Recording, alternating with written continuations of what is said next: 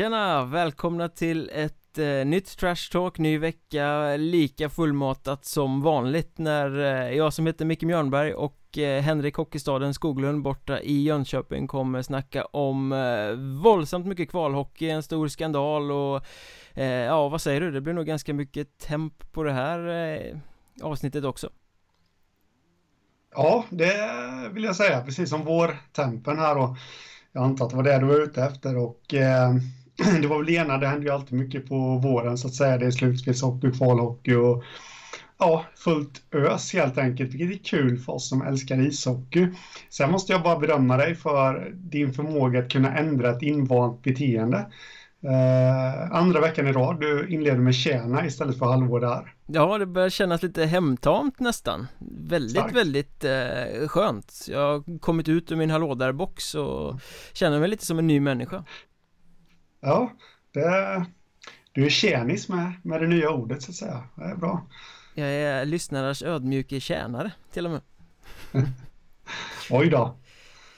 Men eh, vi kastar väl oss över veckan som har varit och de stora snackisarna och eh, en, en av de allra största är ju, som man inte kommer runt här, det är ju Västerås och att de eh, tre omgångar in i kvalserien valde att förändra på uh, tränarsidan man eh, gav Tony Sabel semester, eller ledigt resten av säsongen som det så fint hette i det där pressmeddelandet som gick ut. Och eh, av ren ilska över detta hoppade Christer Olsson också av eh, sitt uppdrag. Det blev lite samma sak som hände i eh, Vita Hästen Innan säsongen, där de kickade en ASS-tränare och huvudtränaren hoppade av av eh, lojalitet. Eh, Vad känner du kring det där? Sabel och Olsson ut ur Västerås och in med Thomas Pananen som ju är juniortränare om jag har förstått saken rätt mm. eh, Vad jag känner kring det? Jag känner eh, först och främst Alltså styrelsen ville ju ha kvar Olsson uppenbarligen och eh, då tycker jag att det är väldigt klantigt att gå runt honom. Om, om jag fattade det så, så gick de runt honom och, och först entledigade Tony Sabel då. Och sen hoppade Olsson av och där tycker jag att man borde haft en kommunikation, men samtidigt så deras uttalande får mig att tro att situationen kanske var oundviklig, för de, eh, de pratar i termer som att det har framkommit saker som gör att vi har valt att agera. Eh, jag tolkar det som att eh, någonting har kommit fram från spelartruppen eller från, inifrån laget om, om Tony Sabels sätt att ja, hantera laget så att säga. Men, det är vad jag tolkar det som nu ska jag säga. Men om, om det nu är på det viset, dyker det upp tre omgångar in i en kvalserie? Det kan man ju tycka att man har haft en hel säsong och 20 dagars långt jävla uppehåll innan kvalserien drog igång att liksom eh, uppmärksamma en sån sak. Ja, jag håller med dig.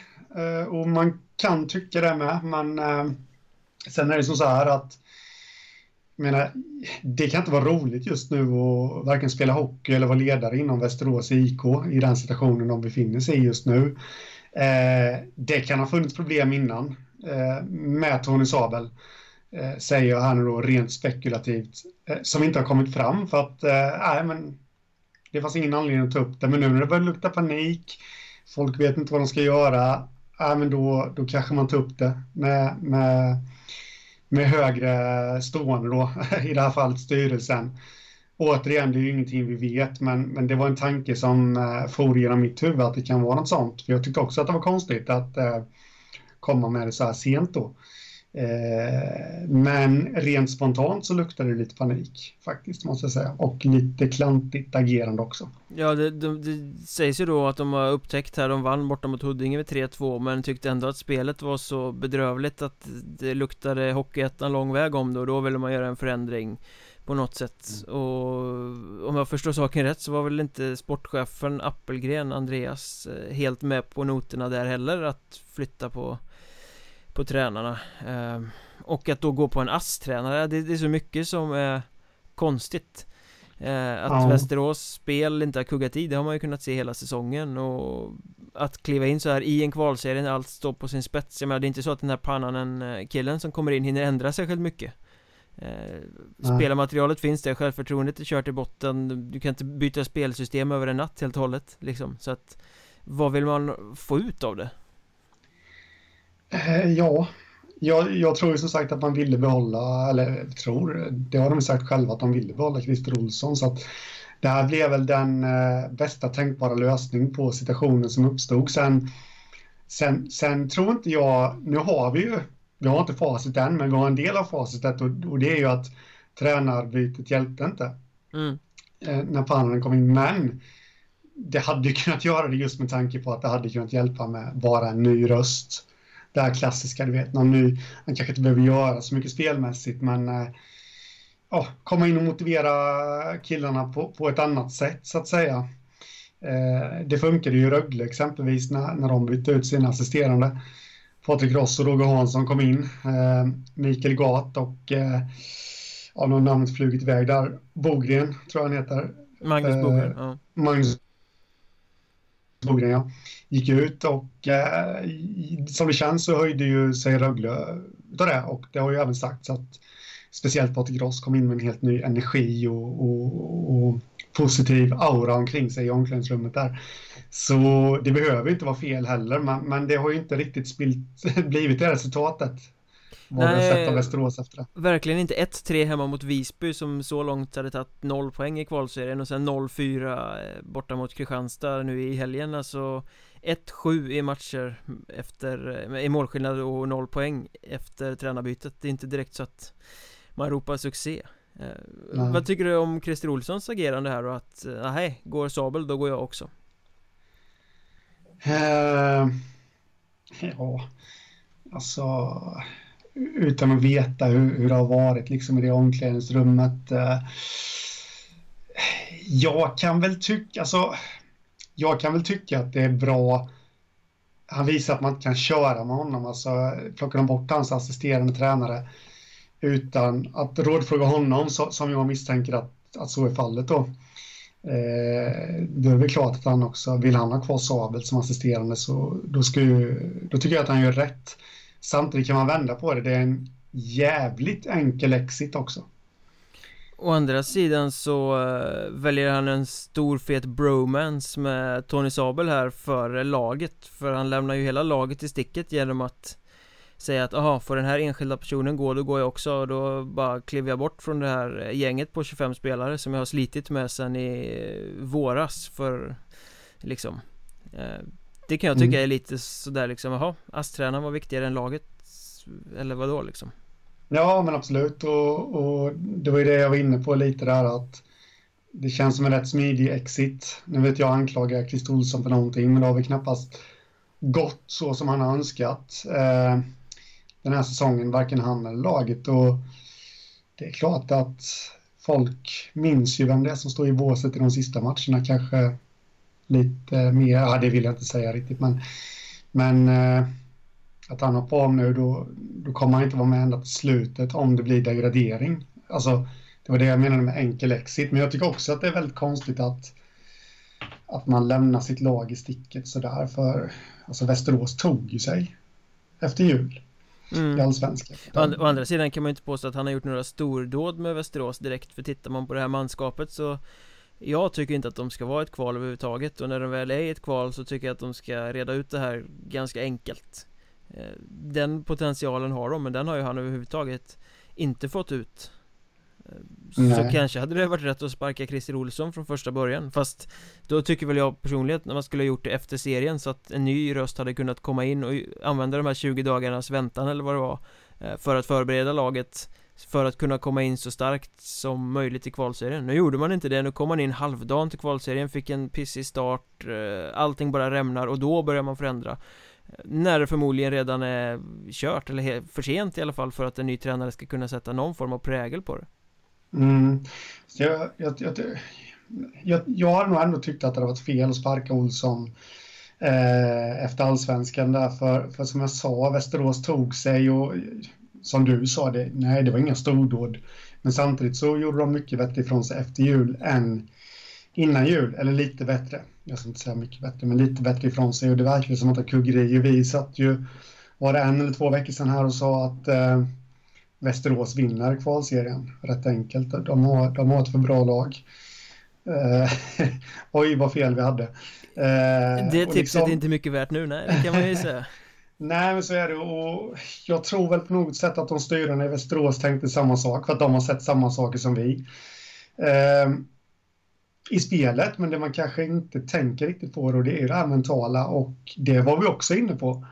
Började knackigt för Västerås. Har Christer Olsson och Tony Sabel den förmågan att kunna ändra det genom sina mentala skills? Alltså, ja, där är jag fortfarande tveksam för det fick vi aldrig se ifall de hade den förmågan att uh, göra det. Men uh, de kanske har lyssnat för mycket på Mjörnbergs trash talk. Ja, de måste ha gjort det.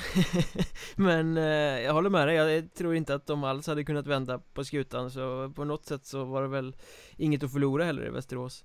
Mm. Men det är intressant det där du säger om alltså, mentala skills och duktiga tränare så jag har känslan att in i den här kvalserien så är det faktiskt Hockeyettan-lagen som har bättre tränare än vad eh, de allsvenska lagen har. Eh, Old school, ålderdomlige Mats Valtin har ju trollat med Södertälje hela säsongen och eh, varit totalt obegriplig och eh, ännu inte fått till det ordentligt. Och så hade vi då Christer Olsson, Tony Sabel i, i Västerås. Det känns som att ettan-tränarna är lite vassare på något sätt. Ja, så är det ju.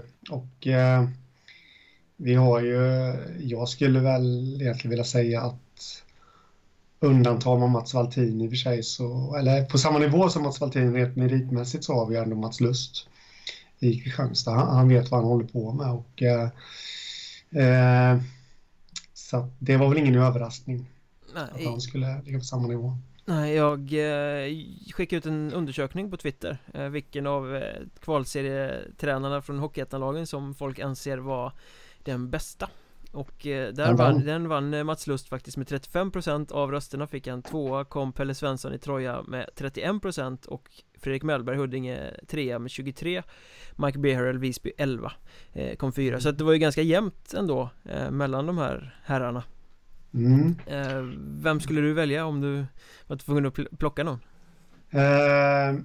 För det första så vill jag säga att det överraskar mig lite att BRL bara landar in på 11. Jag trodde faktiskt att det skulle vara jämnare mellan samtliga fyra tränare. Jag skulle nog säga att jag tippar på att det beror på att Visby inte har några fans på samma sätt som eh, Kristianstad och Troja har kanske. I alla fall inte ute i de sociala medierna. Kan vara så, kan vara så. Uh, nej, men den jag håller som helt klart vassast utav de här fyra, det är ju Mats Lust faktiskt, måste jag säga. Det har väl inte undgått någon att jag...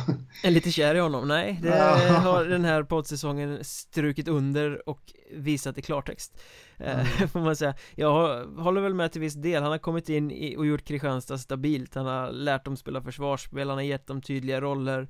Han har varit barsk och hård och bänkat eh, folk som inte har presterat och fått dem att faktiskt eh, köra så att de får blodsmak i munnen och kriga för sin plats i laget där har han gjort det skitbra. Eh, Jag är inte riktigt lika eh, säker på att han är en lysande coach.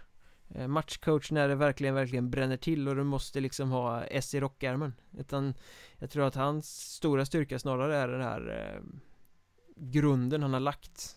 Allt, mm. allt viktigt som han har skapat så att de har en trygghet när de går in och gör vad de ska Ja, precis. Jag säger absolut inte emot det där. Sen tror jag att han... Eh, han kan ju ha lite mera kanske att ge i, i just själva matcherna, men jag tror att han är mästare på att förbereda sina lag också just till matcherna.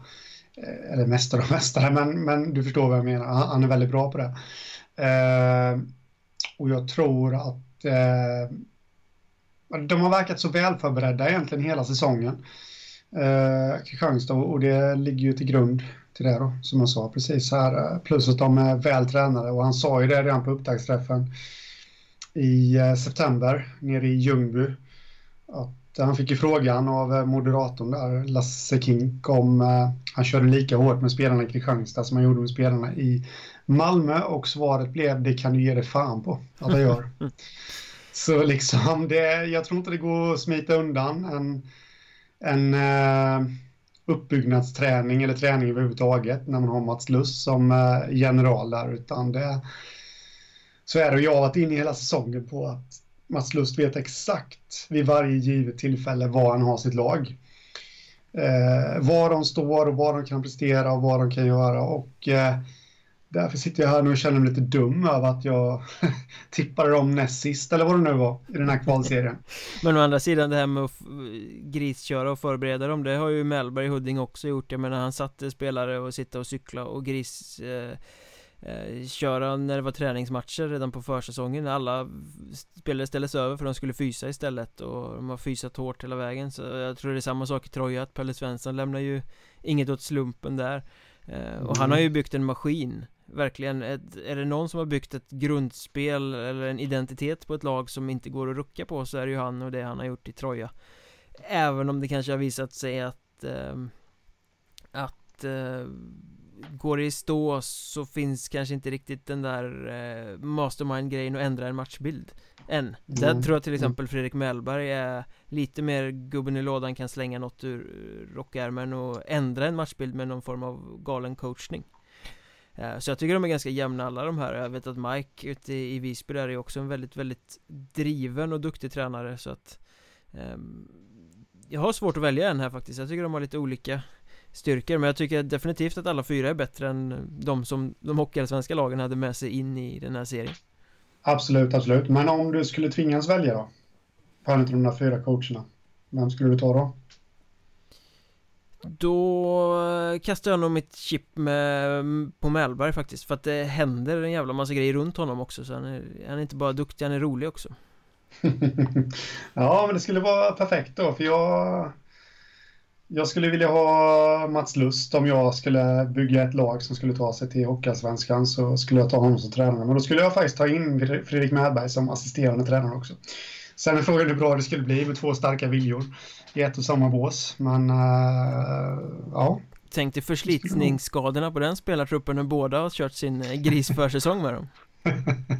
ja, precis. Men uh, ja, jo. Men vi släpper tränarna och så kastar vi oss över den här kvalserien till Hockeyallsvenskan som de fyra, fem, sex herrarna står och coachar i istället. Thomas Pannanen snackade vi inte så mycket om här för honom vet vi väl inte så mycket om egentligen. Eh, Men vi kan ju hålla oss kvar vid hans Västerås för eh, det är ju ett lag i fritt fall mot Hockeyettan just nu, något annat kan man ju inte säga. Nej. Nu är goda råd dyra. Det är väl kanske det som passar bäst och att sätta som rubrik på Västerås just nu. Alltså de eh, har ju torskat. De, ja, de vann första i, i förlängning då, så de har vunnit något mer sen de torskat resten. Eh, jag menar, de har sex poäng upp just nu till Kristianstad på andra platsen som ger allsvenskt spel efter, eh, efter sommaren. Så att, eh, jag vet faktiskt ärligt talat inte vad Västerås ska göra för att, för att vända det här. Nej, så som spelet ser ut alltså, det är ju väldigt mycket enmansshow kan jag tycka. Det är Niklas Lihagen tar tag i pucken och försöker åka in med den som någon sorts bulldozer i zonen och när han väl har tagit sig in där så Finns det inte så mycket tanke vad de ska göra mer med den och så rinner det ut i sanden. Mm. Det känns inte som att Västerås jobbar som ett lag utan det är väldigt mycket Alltså enmansattacker, soloshower och så kommer det något mål i baken och så hänger de i huvudet och så ser det uppgivet ut mm. eh, Riktigt sådär som det gör med lag som inte kuggar i, som inte funkar Som vars självförtroende är så kört i botten att de liksom inte är nära att få ut den potential som finns i gruppen. Så jag har väldigt, väldigt, väldigt svårt att se hur Västerås ska kunna resa sig från den här situationen, den här extremt djupa gropen de har grävt åt sig själva genom att öppna så svagt som de har gjort. Ja, men alla förluster de åkt på har ju dessutom kommit mot Hockeyettan-motstånd mm. Och på hemmaplan har de förlorat eh, två matcher Det är ju liksom Där ska ju ett allsvenskt lag ta allt egentligen Kanske tappa en pinne på hela serien mm. Nej, det, det är det som är så grymt skumt alltså med allt det här för de som vi var inne på innan så alltså jag tycker att de avslutar Hockeyallsvenskan bra, eller godkänt i alla fall. Och, och, med det spelet de visar upp där och den tågan de verkar ha i laget så, så såg man inte riktigt det här komma. Eh, så någonting måste ju ha hänt onekligen under de här två eller tre veckorna eller hur lång tid det nu var. Eh, så de fick vila mellan allsvenskan och, och kvalserien. Det känns ungefär som att de fick chansen inom citattecken nu att tänka, att fundera för länge. jag tror ju nästan att eh, hade kvalserien kört igång två dagar efter den här matchen mot Björklöven som de förlorade. Då, och därmed bli klara för kval, då hade nog Västerås, då hade nog läget varit helt annorlunda faktiskt, tror jag. Ja, de har ju säkert x antal gånger hunnit tänka det här Tänk om vi bara hade spelat lite bättre försvarsspel sista minuten borta mot Björklöven. Ja det, Den tanken har slagit mig med. Det, ja, Där ser man alltså vilka sjukt, sjukt små marginaler det handlar om. Alltså jag, jag vet att det var något liknande scenario 2008 tror jag när Mora åkte ur SHL. De kom tillbaka häromdagen men eh, de åkte ur där. Då, det var väl egentligen så att kvalplatsen var bokad och klar för Luleå.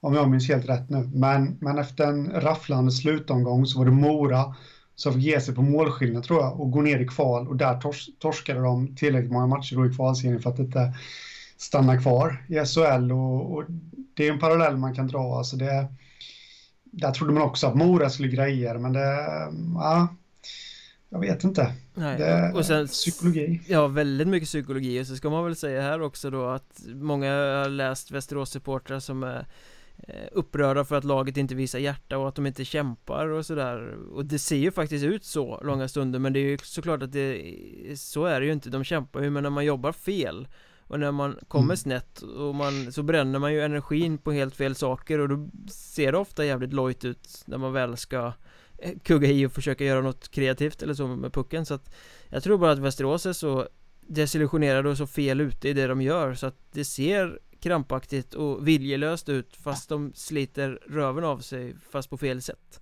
Eh, Och det där tror jag är väldigt, väldigt, väldigt svårt att vända Eh, nye tränaren hade ju uppenbarligen ingen mirakelkur att komma in med så att Nej, nej det kan man inte begära heller liksom det, det är ju väldigt svårt att göra det liksom eh, då, då, då, då ska man ta in någon som har rutin från sånt här eh, från tidigare i karriären. Men jag börjar fundera på om inte Västerås kanske, det, de har fem matcher kvar nu på sig. De har fortfarande nästan allt, allt i egna händer kan man ju faktiskt säga. För eh, jag tvivlar på att något av lagen kommer gå rent resten. Eh, de kanske skulle ta och försöka bara, låta motståndarna föra matcherna. Alltså spela väldigt, väldigt tillknäppt och inte försöka bjuda på någonting, inte försöka vara konstruktiva utan egentligen gå in med inställningen skitsvårt i hockey, men egentligen gå in med inställningen ja, vi håller 0-0. Eh, vi satsar på kontring. Jag vet att det är svårt. Det, det, krävs ett annat lag också som är med på de noterna, men eh, någon, jag får för mig att Västerås kanske försöker lite för mycket att föra matcherna. De, de kanske trodde att, att de skulle vara kvalseriens svar på 80-talets Edmonton Oilers i NHL liksom. Jag vet inte, men uh, men, uh, men jag, jag, vet inte, vad, vad, tror, vad tror du om det? Jo, det, eh, det tror jag är, är väldigt uh, bra tänkt. För det har ju varit rätt uppenbart i kvalserien så här långt att det är väldigt mycket bortasegrar kontra hemmasegrar. Alltså mycket mer poäng plockas på bortaplan. Det är ganska påtagligt att det inte är något lag som är riktigt bekvämt med att föra matcherna. Mm. Eh, Troja åkte och vann borta mot Västerås, de åkte och vann borta mot Södertälje när de mötte allsvenskt motstånd som Som skulle liksom hålla i taktpinnen men när de själva skulle göra det hemma mot Kristianstad då gick de bara rakt in i väggen och hade inte en suck liksom. Och så har det ju sett ut mycket. Mm. Så jag tror det att eh, det verkar inte som att kvalserielagen är eh, särskilt bekväma med att hålla i taktpinnen faktiskt. Jag trodde nog att det skulle vara mer lag som verkligen ville ta tag i det och driva matcherna och så men Så har det inte sett ut. Um, så att Att Västerås kan dra hem styrkorna och försöka gneta eh, till sig tre poäng i de fem återstående omgångarna det, ja, det kanske är en chans eh, Men eh, som sagt, jag har väldigt, väldigt svårt att se att de ska reda upp det Det är väl Visby är väl enda laget som är ännu mer avhängt och De har ju krigat väl men där har det ju visat sig att de inte eh, räcker till riktigt eller Vad ska man säga om Visby? Det är heroiskt men det räcker inte De har inte bredden på spetsen för att kunna utmana Har vi sett nu över fem omgångar mm. Ja, nej, så är det ju. Vi, vi var inne lite på det också Eh, i vårat eh, inför kvalserien där.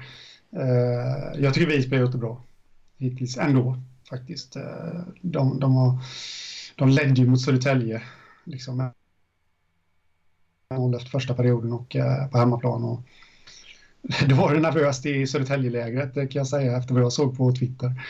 Så att eh, Visby har gjort det riktigt bra. Ja, men Visby krigar. Något annat kan man ju inte förvänta sig av dem. Nej, nej, nej. Absolut inte. Men Huddinge då, de som är det tredje laget här nere i, i den riktiga botten om man säger så, också bara tagit fem poäng. Eh, de har ju verkligen haft chanser att ta många poäng men supit bort det på något sätt. Eh, mm. Så det, det, känns som att Huddinge faller väldigt mycket på eget grepp i den här kvalserien. De hade 2-0 med mindre än två minuter hemma mot, eller kvar hemma mot Kristianstad, torskade med 2-3 efter straffar. Eh, de ledde två gånger borta mot Södertälje, torskade med 4-3 efter straffar. Eh, de var det bättre laget hemma mot Västerås som är i kris, lyckades ändå förlora med 2-3 eh, de spelade en väldigt jämn och jävligt tråkig match mot Troja Ljungby nu i helgen.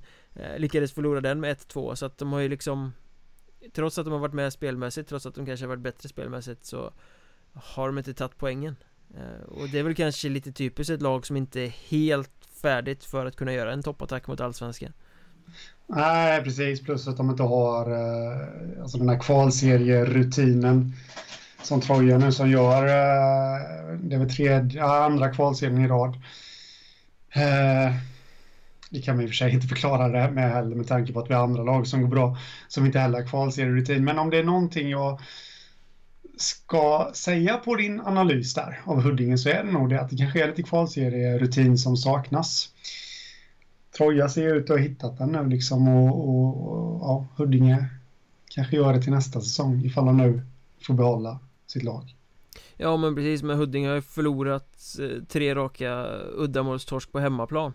Eh, det håller ju inte heller eh, på Nej. något sätt. Även om jag tycker att när de har varit med och haft chanserna, de har inte kunnat knyta ihop det och det är väl, det är väl rutinen på något sätt eh, De ställde för övrigt in Daniel Fahlström nu mot Troja, lite överraskande eh, Har inte stått mm. sedan 15 februari tror jag eller någonting mot Sundsvall och han spelade svinbra så att Där fick ju Mellberg kvittot att han fortfarande har två bra målvakter i alla fall eh, ja. Men att Troja vann den matchen, det blev ju lite det här löjliga som vi har pratat om tidigare Okej, Huddinge vann Hockeyettan-finalen men nu är det kvalserien och då vann Troja mm. Ja, när det verkligen gäller så, så visar det Troja-klassen och eh, jag, jag, jag, vet vart du vill komma med det här. Det, det är väl den här klassiska då att man vinner ju ingenting i Hockeyettan-finalen. Och det visar ju sig nu då. Däremot så vill jag ju komma till Troja också som har gjort eh, grymt bra. De har vunnit fyra av fem matcher Första rundan i kvalserien här eh, Varav tre mm. då på bortaplan Mot Södertälje, mot Västerås, mot Huddinge eh, det är starkt. Ja, riktigt starkt är det. Det trodde ju inte jag i alla fall. Du kanske trodde det. Du hade ju Troja lite högre upp än vad jag hade, men eh, jag trodde inte det. Jag trodde att Trojas lilla dåliga form skulle fortsätta, men de har ju de har gjort det fantastiskt bra och de har ju haft eh, Niklas Lehmann exempelvis som klev fram emot Södertälje var det va? Ja, och mot Huddinge också gjorde avgörande målet. Han har ju varit ja. faktiskt en besvikelse den här säsongen eh, som helhet tycker jag, men i kvalserien har han klivit fram ordentligt.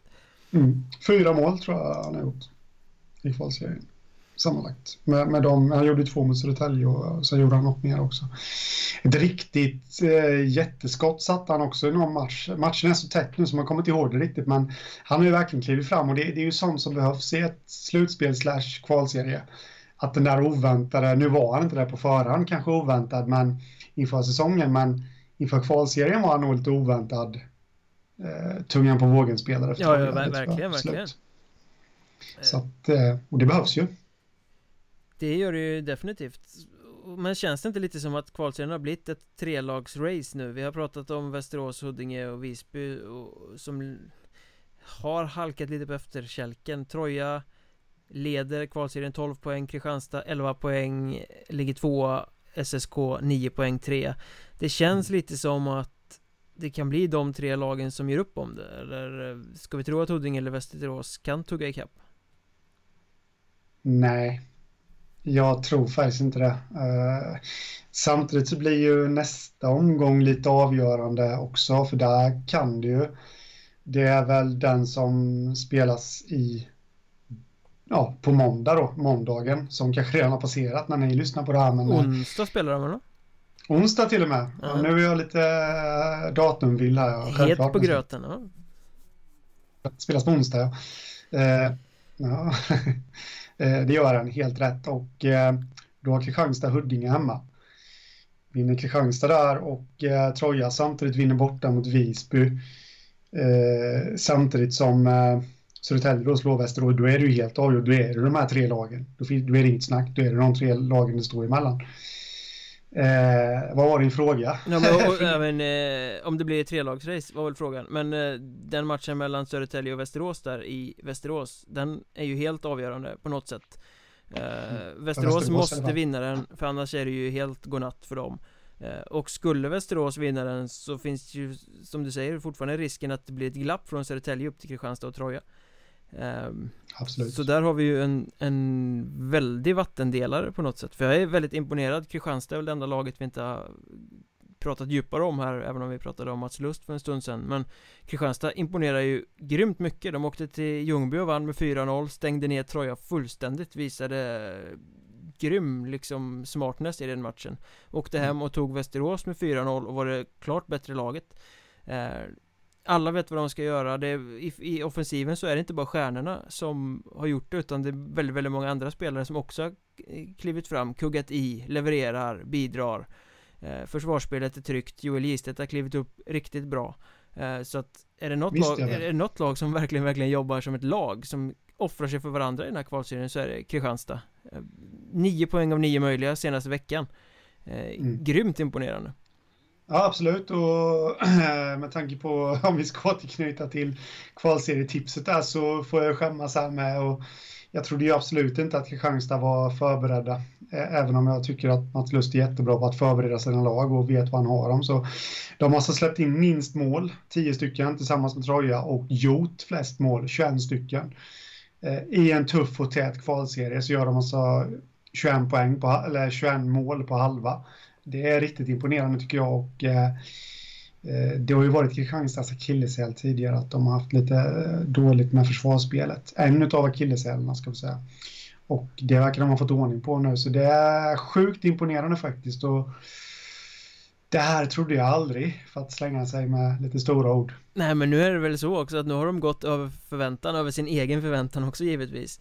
Eh, kan det börja bli ett mentalt nu? För nu känner de att fan, nu har vi ju häng på allsvenskan här. Eh, Den här klassiska, lite orutinerat i kvalseriesammanhang eh, Ska slå in matchbollen och, och knyta ihop det här. Finns det risk för den eh, frossan? Ja, risken finns ju men Jag vet inte, alltså har Kristianstad dippat någon gång under hela säsongen egentligen? Nej. Nej, och det, visst, nu är de framme, det är ungefär som och du vet hur det var. Eh, dagen innan julafton. Sent på kvällen där innan och fan, man kunde inte sova för det, för det, var, det var liksom så nära, man var nervös och när man väl på att somna till så var det någonting man började tänka på liksom, så kom man ur fas och, och allt det där liksom. Det, det är klart att risken finns, men jag vet inte just med tanke på det. De har inte dippat någon gång under säsongen och Därför tror jag inte att de kommer, de kommer säkerligen torska en eller två, kanske till och med tre matcher till i den här kvalserien. Men då beror det inte på att de dippar utan då beror det på att de andra lagen är bättre. Men torskar de tre matcher till så blir det ju ingen allsvenska. Nej, precis. så jag är fortfarande inte helt övertygad om att de kommer gå upp. Men jag tror inte att de kommer gå miste om platsen för att de börjar tänka för mycket. Jag tror att Mats Lust är alldeles för rutinerad för det. jag säga lovord över honom här igen. Men han märka, kommer han märka minsta lilla tillstymmelse till att något sånt där börjar florera i truppen, då tror jag han eh, gör någonting åt det faktiskt. Jag är inte människa att säga vad man ska göra åt en sån sak, men är det någon gång han skulle slopa en träning så är det väl kanske i ett sånt här sammanhang då och istället låta grabbarna göra något annat. Leka en lustig lek kanske? Nej det hoppas jag verkligen inte, jag hatar lekar. Det är typ Du vet när man går på fest och någon ska dra igång lekar och sånt Det är typ det värsta jag vet. Ja, Nej, jag blir provocerad av sånt, då går jag och låser in mig på toaletten eller något och vägrar vara med. Då, då ballar Mikael Mjörnberg ut. Ur, heter det. Ja, nej, där är vi totalt olika. Jag är en sån som kan uppskatta lekar Även om jag kanske uppskattar drycken mer på fest. Jag är på väldigt god väg att sparka dig i podden just nu bara så du vet. Oj. Men, men, men för, att släppa, för att släppa måste den... nog försona sig och leka en lek istället. Men eh, innan vi knyter ihop detta triviala lilla parti av podden så får man väl säga det i alla fall att Kristianstads stora hot här är ju Södertälje Som jag tycker kanske inte har eh, imponerat jättemycket men de har hittat vägar att ta poängen. De fick med sig två poäng mot Huddinge trots att de kanske skulle förlorat den och de reste sig efter eh, torsken hemma mot Troja och sådär. Så att eh, Södertälje kan bättre och fler måste vara med och leverera. Eh, Det har sett lite grått ut bitvis men ändå är de med där. Och det är ju ja. på något sätt ett styrkebesked även om de inte imponerar. Nej men så är det och det, det nej exakt. Och de är med och det visar ju att de eh, att de var mer förberedda på det här än Västerås, vilket är så konstigt i och för sig med tanke på att Södertälje har legat i botten hela säsongen. Det har i och för sig Västerås också gjort, men Södertälje har gjort det mer och Södertälje var nykomling i allsvenskan. De, de visste vad det innebar med kval. Därför är jag lite överraskad ändå. Jag trodde att de skulle greja det här lite bättre än vad de har gjort hittills, men de är absolut med. Det är de. Men som det ser ut, eh, halva kvalserien är spelad, det är Troja och Kristianstad som etta, tvåa eh, 12 respektive 11 poäng. Jag tror att vi faktiskt kan slå fast att minst ett lag eh, kommer åka ur Hockeyallsvenskan. Just nu ser det väldigt mycket ut som att det är Västerås. Eh, mm. Kanske även Södertälje, men både Troja och Kristianstad rasar ju inte ihop. Nej, det tror jag inte Nej, jag tror inte något av lagen kommer rasa ihop heller Men eh, som sagt Det är jämna lag och det kan mycket väl bli så att Södertälje kan eh, knapra kapp bara genom att de är det bättre laget. Sen ska vi inte räkna ut om Huddinge-Västerås heller i och för sig. Eh, efter nästa omgång, om det fortfarande är lika stort glapp eller mer, då kanske vi kan göra det. Från det roliga till det tråkiga kan vi väl säga då kanske För eh, kvalserien till Hockeyallsvenskan är ju väldigt rolig även om vissa lag går eh, kräftgång. Men i kvalet till Hockeyettan så hade vi någonting som inte är fullt lika roligt. Vi hade en eh, gigantisk skandal här i veckan som gick Matchen mellan Värnamo och Mjölby. Har du Har du ens hämtat igen efter det där som hände där? Nätt och jämnt. Uh... Men ja, det har jag. Eh, det som hände var ju att eh, Att det blev förlängning Mellan Mjölby och Värnamo och eh, De spelade inte en vanlig fem minuters förlängning utan de spelade tio minuter Istället, konstigt nog För det ska inte kunna gå Eh, Mjölby avgjorde efter nio minuter, så de spelade inte tio minuter då. Ehm, eh, och duschade, vissa hade hunnit sätta sig i bussen och då blev de tillbakakallade att nej, men det här var fel. Det ska ju bara vara fem minuters förlängning och eh, istället tog straffläggning vid då vann Värnamo. Den. Ja, vilket ju är helt sanslöst att en domare som dömer en viktig kvalmatch där det står väldigt, väldigt mycket på spel för föreningarna inte vet en sån sak som att förlängningen ska vara fem minuter eh, Att han, inte, att han kliver ut i match och inte vet det, bara det är ju helt absurt eh, och att han sen framhärdar och säger att det ska vara tio minuter förlängning trots att båda lagen protesterar Trots att sekretariatet har ett system där det inte ska gå att spela tio minuter förlängning, den ska säga ifrån efter fem. Men ändå så får de igenom det och det finns två linjemän där också som också borde kunna reglerna. Mm så det, ska, det här ska ju bara inte kunna hända, det här är så konstigt så att Jag vet inte vad man ska säga om det riktigt Nej, det, det finns väl egentligen inga ord alltså det eh, Jag måste säga att jag, jag, jag tycker att eh, Just te, alltså det är kval, det är en kvalserie eh, Man måste som domare är det någon sak man ska göra, reglerna, det har de säkerligen koll på, på det som händer på isen. För det, det, det är samma oavsett vilken serie du än spelar i. Men eh, du måste ju läsa tävlingsbestämmelserna innan. Du, du måste ju, är du osäker så måste du ju veta vad det är som gäller. Nu vet jag att den här domaren har ju dömt juniorserier och det var ju också hans anledning tror jag som kommunicerades ut via annan part att han hade dömt juniormatcher slutspelsmatcher där det var 10 minuters förlängning. Men ja, men läs tävlingsbestämmelserna innan och, i så fall. Och lyssna på varningssignalerna när alla runt omkring ja. protesterar och Ja, just det med ja. Och sen, och sen kan man fråga sig varför går sekretariatet i Värnamo med på att räcka med systemet för att kunna sätta igång en förlängningsperiod som systemet säger inte ska vara möjlig eh, Som jag förstod saken fick de sätta igång en extra tredje period eller något sånt där eh, För att sadden var just fem minuters begränsad i systemet eh, Alltså det, det, ringer så många varningsklockor runt omkring så eh, Det ska bara inte kunna hända Det är nästan som man liksom tänker sig så här, var det riggat på något sätt? Var det någon som hade spelat på den här matchen för att få något mm. specifikt liksom eh, För det här, det här är så konstigt så det går ju inte Nej, det, det var en tanke som slog mig med och jag vet att han har slagit flera också eh, Just om det, om det är riggat på något sätt, för det, det är så många olika saker som går fel i exakt samma sekund. Dels kan inte domaren hur långt det, det är kvar och sekretariatet viker ner sig och, och lägger ner ett jätte... För jag, jag, kan tänka mig att det inte är jättelätt att ställa om det här systemet, lägger ner ett jättejobb på att göra det.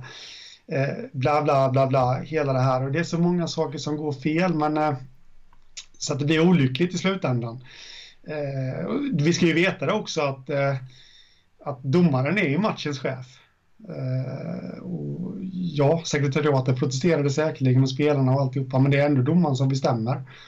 Uh, och framhärdar han och, och lyssnar inte på varningssignalerna, ja men då, då måste de göra som han säger. Så är det ju tyvärr. Ja, sen... I det här fallet blir det olyckligt. Sen blev det ju väldigt konstigt också att de kommer på det här efter matchen att åh fan det skulle bara varit fem minuter och straffar och att de får gå och hämta mm. tillbaka spelare som får sätta på sig svettig utrustning igen när de har duschat och joggat ner och ätit och gått till bussen och allt vad det var liksom. Mm. Eh, så det blir inte direkt sportsligt på det sättet heller Att ett lag som tror att de har vunnit plötsligt Ska slå straffar i, mm. i liksom 40 minuter eller vad det var efter att matchen har tagit slut Ja. Däremot så har jag förstått att det var sportsligt rätt att göra på det sättet för Enligt tävlingsbestämmelserna så Matchen är slut efter fem minuter sadden. Uh, Oavsett om lagen fortsätter spela eller inte så är det enligt reglerna slut så att Jag vet att vissa har tyckt att, ja men Lagen var ju överens om att det var 10 minuter kunde de inte låtit det där uh, målet som de gjorde efter 9 minuter där gälla då? Men det kan man ju inte enligt bestämmelserna för skulle man ändra det bara för att det blev så här i en match så skulle det bli High Chaparral och man skulle kunna ändra överallt hela tiden utan det här målet som Mjölby gjorde i sadden det skedde ju efter att matchtiden var ute för matchtiden var eh, slut vid fem minuter så enda sättet att få det att bli rätt var ju att kalla tillbaka spelare och slå straffar men det blev ju bara skit av det för det blev ju bara väldigt väldigt väldigt konstigt även om det blev rätt regelmässigt till slut ja. Ja, precis. Och det absolut bästa hade ju varit om Mjölby hade vunnit straffläggningen också.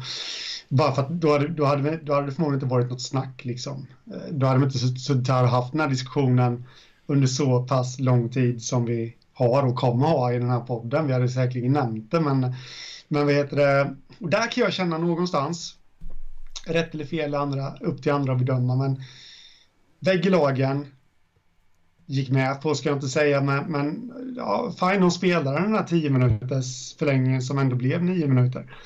Eh, Värnamo, Värnamo hade absolut ingenting att spela för. Nej, de, de var ju redan avhängda. Ja. Kunde de inte bara ha lämnat målet öppet då? I eh, straffläggningen, kan jag tycka. Eh, det är lätt för mig att sitta och säga som inte har någon, ja, någon koppling liksom till den klubben. Eller, det är klart att de vill vinna matcher, men, men på något sätt, de har ändå gått med på att spela den här långa sadden. De, de har låtit domaren bestämma det, även fast det är rätt att domaren ska bestämma det. Eh, så kan jag ändå tycka att där kanske de borde ha, ja, från deras håll kunnat sköta det lite snyggare. Sen kan man vända på det också, att eh, skulle inte Mjölby ha avgjort det här på full tid? Det är klart att de skulle ha gjort Mjölby ett bättre lag, men um, ja. Nu blev det som det blev, jag tror att Värnamo kvitterade med åtta sekunder kvar eller något sånt där i, i den ordinarie tiden. Mm. eh, Men det som händer nu, i och med det här, i och med senare resultat som har varit så är det ju att Mjölby har spelat färdigt sina matcher i kvalet nu. Hade de eh, fått med sig den där bonuspoängen som de trodde att de vann i den här sudden deathen eh, Så hade de varit som sämst tvåa i eh, kvalserien sin kvalserie. Och det hade med största sannolikhet inneburit spel i Hockeyettan nästa säsong Eh, nu fick de inte den där bonuspinnen eftersom Värnamo vann den på straffarna. Eh, På sin andra chans så att säga. Eh, mm. Och det innebär att Mjölby inte alls är helt klara som sämst tvåa utan vinner H74 och Halmstad sina matcher i sina sista omgångar där. Då går de om och då blir Mjölby trea och då kommer Mjölby förmodligen inte gå upp i Hockeyettan. Så den där poängen som switchades där när skandalmisstaget rättades till Den kan ju bli fruktansvärt förödande för Mjölby, den kan ju bli avgöra allting. Ja, det kan den eh, eh, Vilket gör det här ännu mer olyckligt Och jag undrar hur förbundet kommer eh, hantera det för att till syvende och sist så är ju faktiskt förbundet ytterst ansvarig, det är deras domare som, eh, som har skapat hela situationen och, och han går under deras flagg. Eh, hur ska de korrigera det så att säga för dem? Vi är i och för sig Mjölbybor, rätt trevliga människor, det, jag känner en hel del men, men eh, ändå, då, fan förbundet kommer få ett helvete med, med folk från Mjölby här nu. Ett bra tag framöver ifall det är det det kommer hänga på. Ja, Mjölby lämnade ju in en protest direkt efter det där som fick avslag. Eh, mm. Men så är det ju alltid, alla protester får ju alltid avslag. Det, det är ju så det funkar. Eh, Men ja, och sen har vi den här diskussionen om det är svårt att rekrytera domare. Eh, Det är liksom, de får bara skit. Ofta så kastas det mycket skit på domare i, liksom när de inte förtjänar det. Men nu har vi den här säsongen haft två sådana här gigantiska misstag där domarna inte kan reglerna. Båda gångerna har en poäng fördelats om. Eh, Båda gångerna har den här poängen blivit extremt väldigt avgörande. Eh, mm. Och att vi har två sådana, då, då, pratar jag givetvis också om den här straffläggningen som vi haft uppe förut mellan Väsby och Huddinge tidigt i allettan Som avgjorde eh, utgången att Huddinge faktiskt vann den serien. Eh, det är liksom så grova misstag där domaren inte kan reglerna två gånger på samma säsong i väldigt viktiga matcher. Det underlättar ju inte direkt det här goodwill-arbetet kring domare och, och, hur man ska bete sig mot dem och hur man ska tycka om dem och sådär. När det är såna här frapperande supermisstag som är helt oacceptabla på eh, nivån som vi snackar om.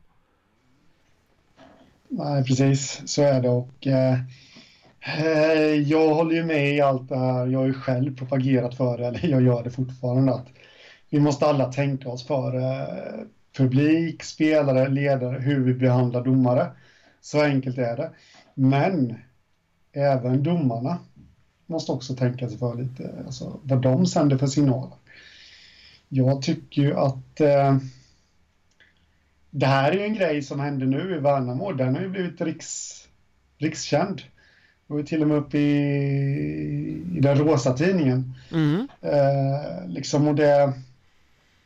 Då tycker jag att ja, men domarna ska gå ut och komma med något uttalande att varför var inte den här domaren förberedd som han skulle vara till den här matchen? För det var han inte. Det kan vi slå fast. Han visste inte vad det var som gällde. Varför var han inte förberedd? Berodde det på... Ja, så hade han haft en dålig dag eller vad? Fick han inte förutsättningarna från, från de som är över honom liksom att kunna förbereda sig? Eller det fanns väl till och med någon domarsupervisor på plats där? Ja det sägs ju det och det gör det ju ännu konstigare. Varför lägger inte han sig i och säger app app app app det ska vara fem minuter sadden inte ja. tio. Ja. Det, det var också en sak som vi var inne på innan att det var så många saker som gick fel på så kort tid och det är också väldigt väldigt skumt att Nej, det där, man skulle egentligen varit på plats. Så man hade kunnat, jag bor ju inte jättelångt ifrån Värnamo, det är väl bara sex mil ifrån där jag bor, eh, fem, sex mil, men eh, ja, det är riktigt skumt alltså. Det, det, där hade man nog nästan behövt vara på plats för att höra hur snacket hade gått faktiskt. Det är en gigantisk skandal kan vi i alla fall sammanfatta det som och så ja, det, det, finns inga förklaringar till att inte kunna en så basal grej som domare och att dessutom framhärda och att alla andra låter det passera. Det är bara väldigt, väldigt, väldigt sjukt. Ja, jag skriver under. När vi ändå snackar om de här eh, kvalen till Hockeyettan så ska vi väl kanske titta lite närmare på eh, hur det går i dem också för det börjar ju bli klart nu när vi spelar in det här har de spelat nio omgångar eller sju, åtta då i den södra som ju spelas på fem lag så den spelas lite annorlunda här, här vill jag faktiskt bara flika in en sak förresten Varsågod. Som jag kom på, om, om jag får göra det Eh, vi var inne på det innan att Mjölby har ju spelat klart i den här eh, till antalet lag och sett ojämna serien. Eh, i kvalserien till Söder och eh, Mjölby leder. De har spelat åtta matcher, resten har spelat sju. Här skulle jag faktiskt vilja efterlysa lite, lite, lite bättre fingertoppskänsla från de som sätter spelprogrammet för att Mjölby har gått väldigt bra i tvåan i år och eh, borde rimligtvis, alltså, man visste att de skulle vara med i snacket om topplaceringarna. Eller man kunde i alla fall anta det. Där tycker jag att man borde köra någon slags ranking när man sätter spelprogrammet att eh, okej, okay, Mjölby, de har gått bra, då, då, ska de ändå vara med i den sista omgången. Eh, Medan kanske de här två lagen som gled in, eller gled in, men som utan att ha det helt klart för mig så tror jag att det är Kalmar och Värnamo som har gått eh, lite sämre i tvåan i år. De två gängen, något av dem borde faktiskt rimligtvis ha varit de som, som hade spelat klart inför den sista omgången på onsdag. Bara en liten passus där, jag ville bara få det sagt. För jag tycker att det är lite tråkigt att Mjölby nu inte kan få spela på sitt resultat om man säger så. Nej. Medan deras motståndare får det. Eh, jag kan hålla med om det faktiskt. Eh, och tittar vi på det här så har vi ju Förra veckan så diskuterade vi hur fan det här funkar egentligen Varför det bara är ettorna som garanteras eh, plats upp och sådär Jag kikar lite på serierna här nu och kom fram till att det är ju tio Norra serien räknas ju för sig och där ser det ut som att Sollefteå kommer hålla sig kvar eh, Boden kommer gå upp, Brunflo kommer åka ur. Så att Sollefteå och Boden, grattis ni spelar Hockeyettan nästa säsong för där är det ju två vakanser. Mm. Men fortsätter det sen att vara så att man slår ihop väst, öst och söder i en enda ranking så är det tio vakanser kvar När jag räknar på hur många lag det finns i serierna i, i Hockeyettan nu. Eh, och av de tio vakanserna så ska ju eh, fyra fyllas av lag som kommer ner från kvalserien till Hockeyallsvenskan. Två av sex ska ju upp mm. till Allsvenskan, fyra ska ner i ettan. Då blir det sex vakanser kvar. Och det blir ju då på de här tre kvalserierna två lag var, ettan och tvåan. Eh, Så som jag ser, förstår det just nu så lutar väldigt mycket åt att ettan och tvåorna i respektive kvalserie kommer gå upp i Hockeyettan. Eh, Treorna kommer inte göra det. Eh, Förutsatt då att eh, det kan ju vara något lag som drar sig ur och så, så att det gäller ju att bli bästa trea ändå. Eh, men mm. som det ser ut just nu, ettan och tvåan upp, men inga treor. Och sen så kommer det ju bli ett väldigt eh, pusslande med serieindelning med olika lag fram och tillbaka. Eh, Det blir det ju varje år, men det får vi väl återkomma till i en annan podd Det tror jag, men det känns väl rätt rimligt med två lag upp från varje kvalserie. Ja, absolut, det är så det ska vara också Det finns inget annat att säga om det Sen, ja, jag, jag kan inte hjälpa det, men jag fastnade lite på det du sa om, om det fortfarande är så här som det var förra säsongen. Och det, där kan jag eh, väl rikta en känga lite till både förbundet och organisationen och ettan där att eh, kommunicera ut vad det är som gäller. Mig veterligen så har de inte gjort det nu i år. Nej, det har de väl aldrig gjort. Det är väl först när de ska dela in lagen som de berättar vad som gäller. Det är en jävla mm. rörare där. Eh, och sen är det ju så också, bara för att vi sitter här och räknar lite och gissar och tänker att det blir ettan och tvåorna behöver inte betyda att det blir exakt så. Jag tror klubbarna vet ju inte heller riktigt vad de spelar för. Jag är inte helt hundra på att de som kommer tvåa kommer våga jubla efter sista omgången. Fast man tror att det med stor sannolikhet är så att man är klara för Hockeyettan. Ja, eh, så det, det blir ju lite trögigt. Så jag menar, eh, ja. Men om vi tar den här södra serien som vi har pratat om. Eh, just nu så leder Mjölby, de har 15 poäng, tvåa ligger Halmstad, de har 15 poäng Det är två plusmål som skiljer dem åt och Trea ligger HA74, de har 12 poäng. Mm. eh, HA74 har plus 4 i målskillnad, Mjölby har plus 5 eh, Så skulle det bli, och Mjölby har som sagt spelat färdigt Så skulle det bli så att Halmstad eller HA74 förlorar något av lagen eh, Då är Mjölby etta eller tvåa och klara för Hockeyettan Skulle man väl säga då. Mm. Men vinner både Halmstad och H74 då går båda om eh, Mjölby. Och då kanske det är Halmstad och Sävsjölaget där då som spelar i Hockeyettan. Så där blir det ju väldigt spännande slutomgång. Eh, Där HA ska spela borta mot Värnamo och eh, Halmstad ska spela borta mot Kalmar. Kalmar? Kalmar. Ja, ja, och vad säger man om det? Ja, jag menar Värnamo är ju avsågade och har varit det ett tag nu men de, de har ju ändå gjort det bra eh, Dels då så pressar de ju Mjölby i den omtalade matchen och sen nu senast så pressade de Halmstad också som bara vann med, med 1-0 även om det är kanske li, ett mera tecken på Halmstads spel för tillfället. Ja, Halmstad är bedrövliga. Fan vad dåliga ja. de är. Jag såg dem mot H74 hemma och jag såg en period nu mot Värnamo. Det är alltså...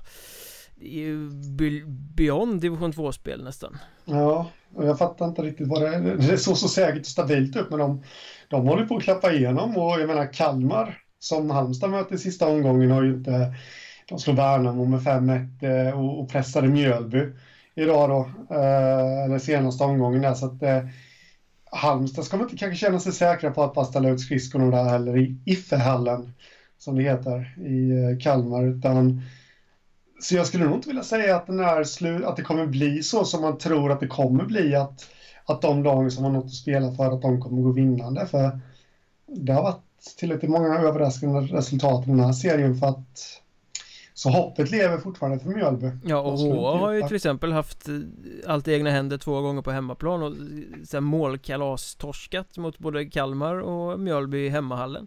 Mm. Så där är ju nerverna ju rätt shaky. Ja Det är de och eh, det är väl inte så konstigt heller i och för sig när man är så pass nära någonting stort som man ändå är. Vi snackade om julafton innan här och det här är väl julafton definitivt för H74 också. Att de är så pass nära nu som de ändå är. Men nej, det kommer bli ruggigt spännande på onsdag alltså. Grymma förutsättningar. Ja, verkligen.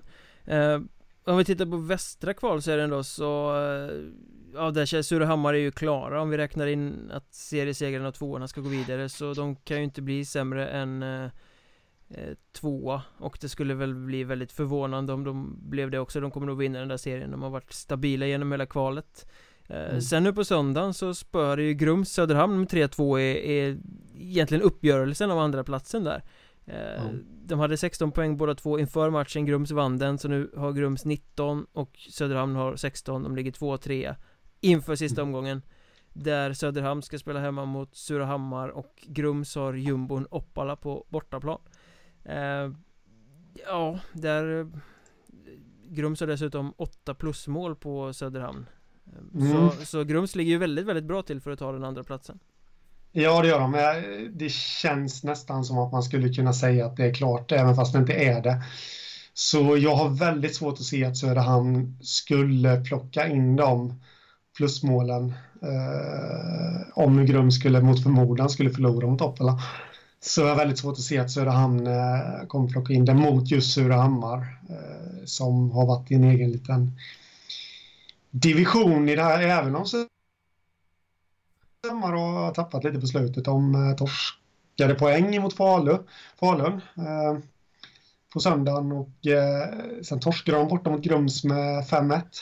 Så det är liksom, ja visst, Söderhamn kan mycket väl vinna mot dem men inte med åtta mål. Söderhamn har ju dessutom en ganska god eh, möjlighet att eh, bli en bästa trea. Så de har ju rätt mycket ja, att gå för där också. Ifall det nu skulle bli så att någon trea går upp för att någon drar sig ur bla bla bla. Ja, ni vet hur det kan bli.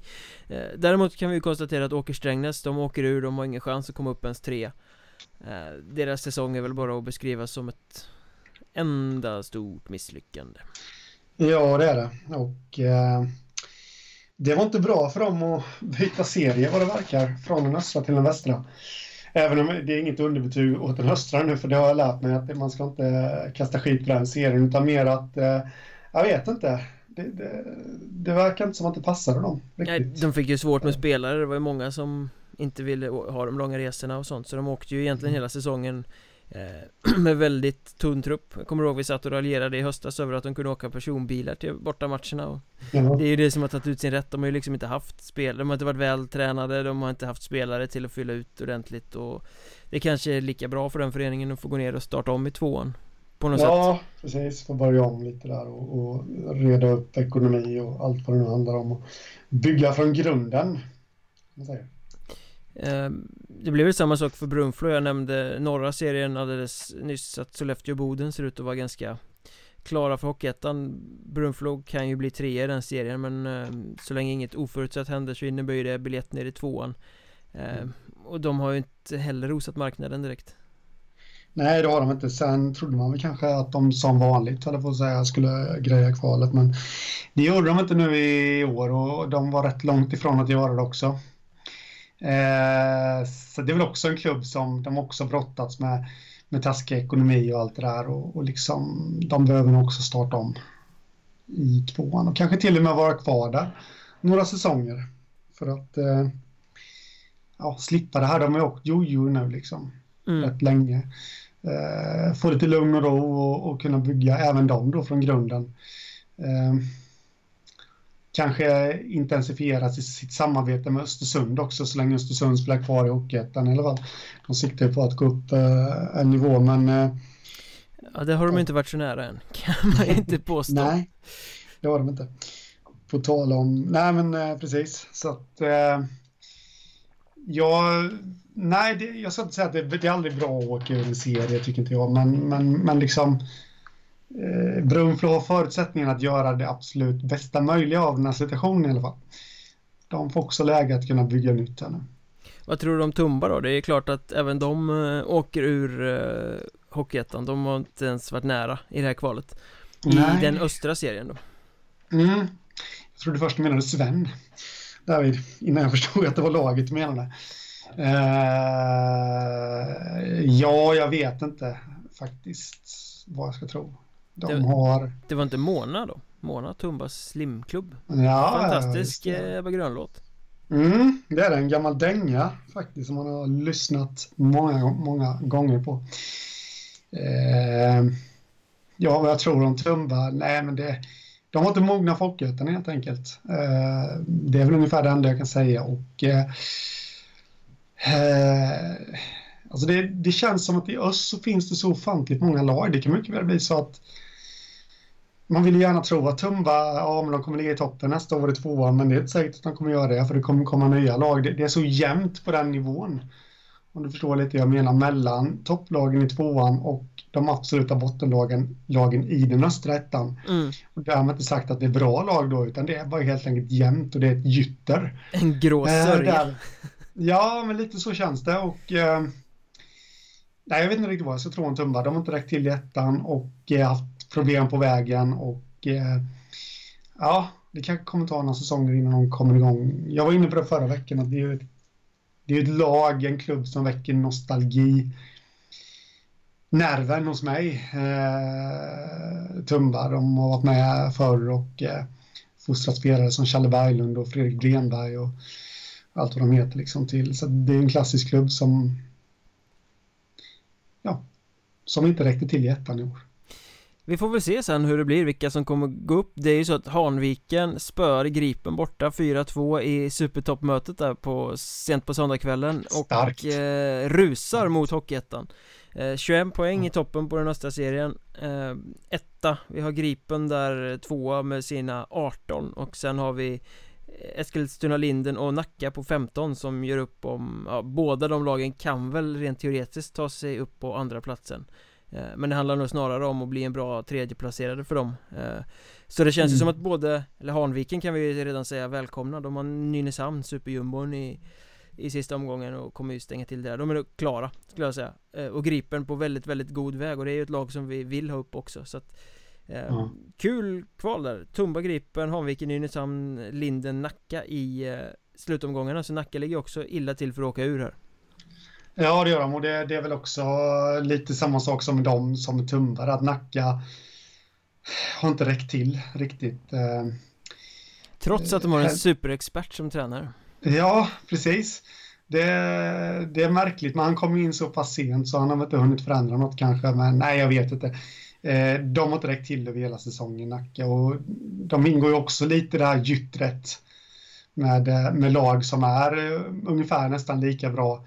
Det skulle ju vara bra liksom om något lag ännu, Gripen tror jag alla möjligheter ifall de nu går upp, har alla möjligheter att kunna etablera sig i ettan. Eh, men det skulle vara kul om Hanviken som högst troligt kommer gå upp, eh, eller de, de är ju redan klara om, om det blir så som vi har tänkt.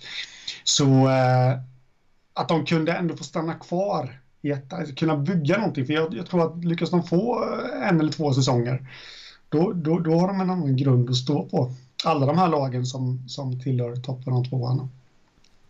Håller med dig helt och hållet eh, Blir intressant att se på I veckan så spelas alltså sista omgången i de här kvalen och sen Kommer vi kunna räkna ihop det där, vilka lag som eh, troligtvis går upp och hur eh, Ja, det kanske är så att vi nästa vecka sitter och filar på en liten serieindelning och hur det kan tänkas bli mm. eh, Vore lite lustigt, då börjar ju allsvenska kvalet också närma sig sitt slut så att eh, Då har vi väl ännu mer att säga om det skulle jag tippa på Absolut, det finns jättemycket att säga Och med det så kan vi väl stänga den fina sagoboken för den här veckan om inte du har något annat spännande att tillägga? Nej, det har jag inte. Det händer inget spännande här i Jönköping. Jag kan ju i vanlig ordning tala om att jag heter att Mjunberg på Twitter Att du heter att Hockeystaden Att podden heter att Mjunbergpodd Att vi har sajterna mjunberg.se med eh, poddarkiv med artiklar och eh, silly nyheter. Eh, Hockeystaden.se Henriks heta tyckande och eh, sen så har vi ju Facebook-sidan också Mjörnbergs Trash Talk. Nu är det någon som städar trapphuset här om ni hör att det dänger och klångar utanför så då är det väl extra mycket eh, läge att lägga ner för idag tror jag eh, Det tycker jag vi Så hörs... får du gå ut och hjälpa till Ja, det är inte min vecka, det är bara var sjätte vecka eller något sånt där Ja, ja, ja, Nej, men vi hörs. Ha det bra. Detsamma. Tja.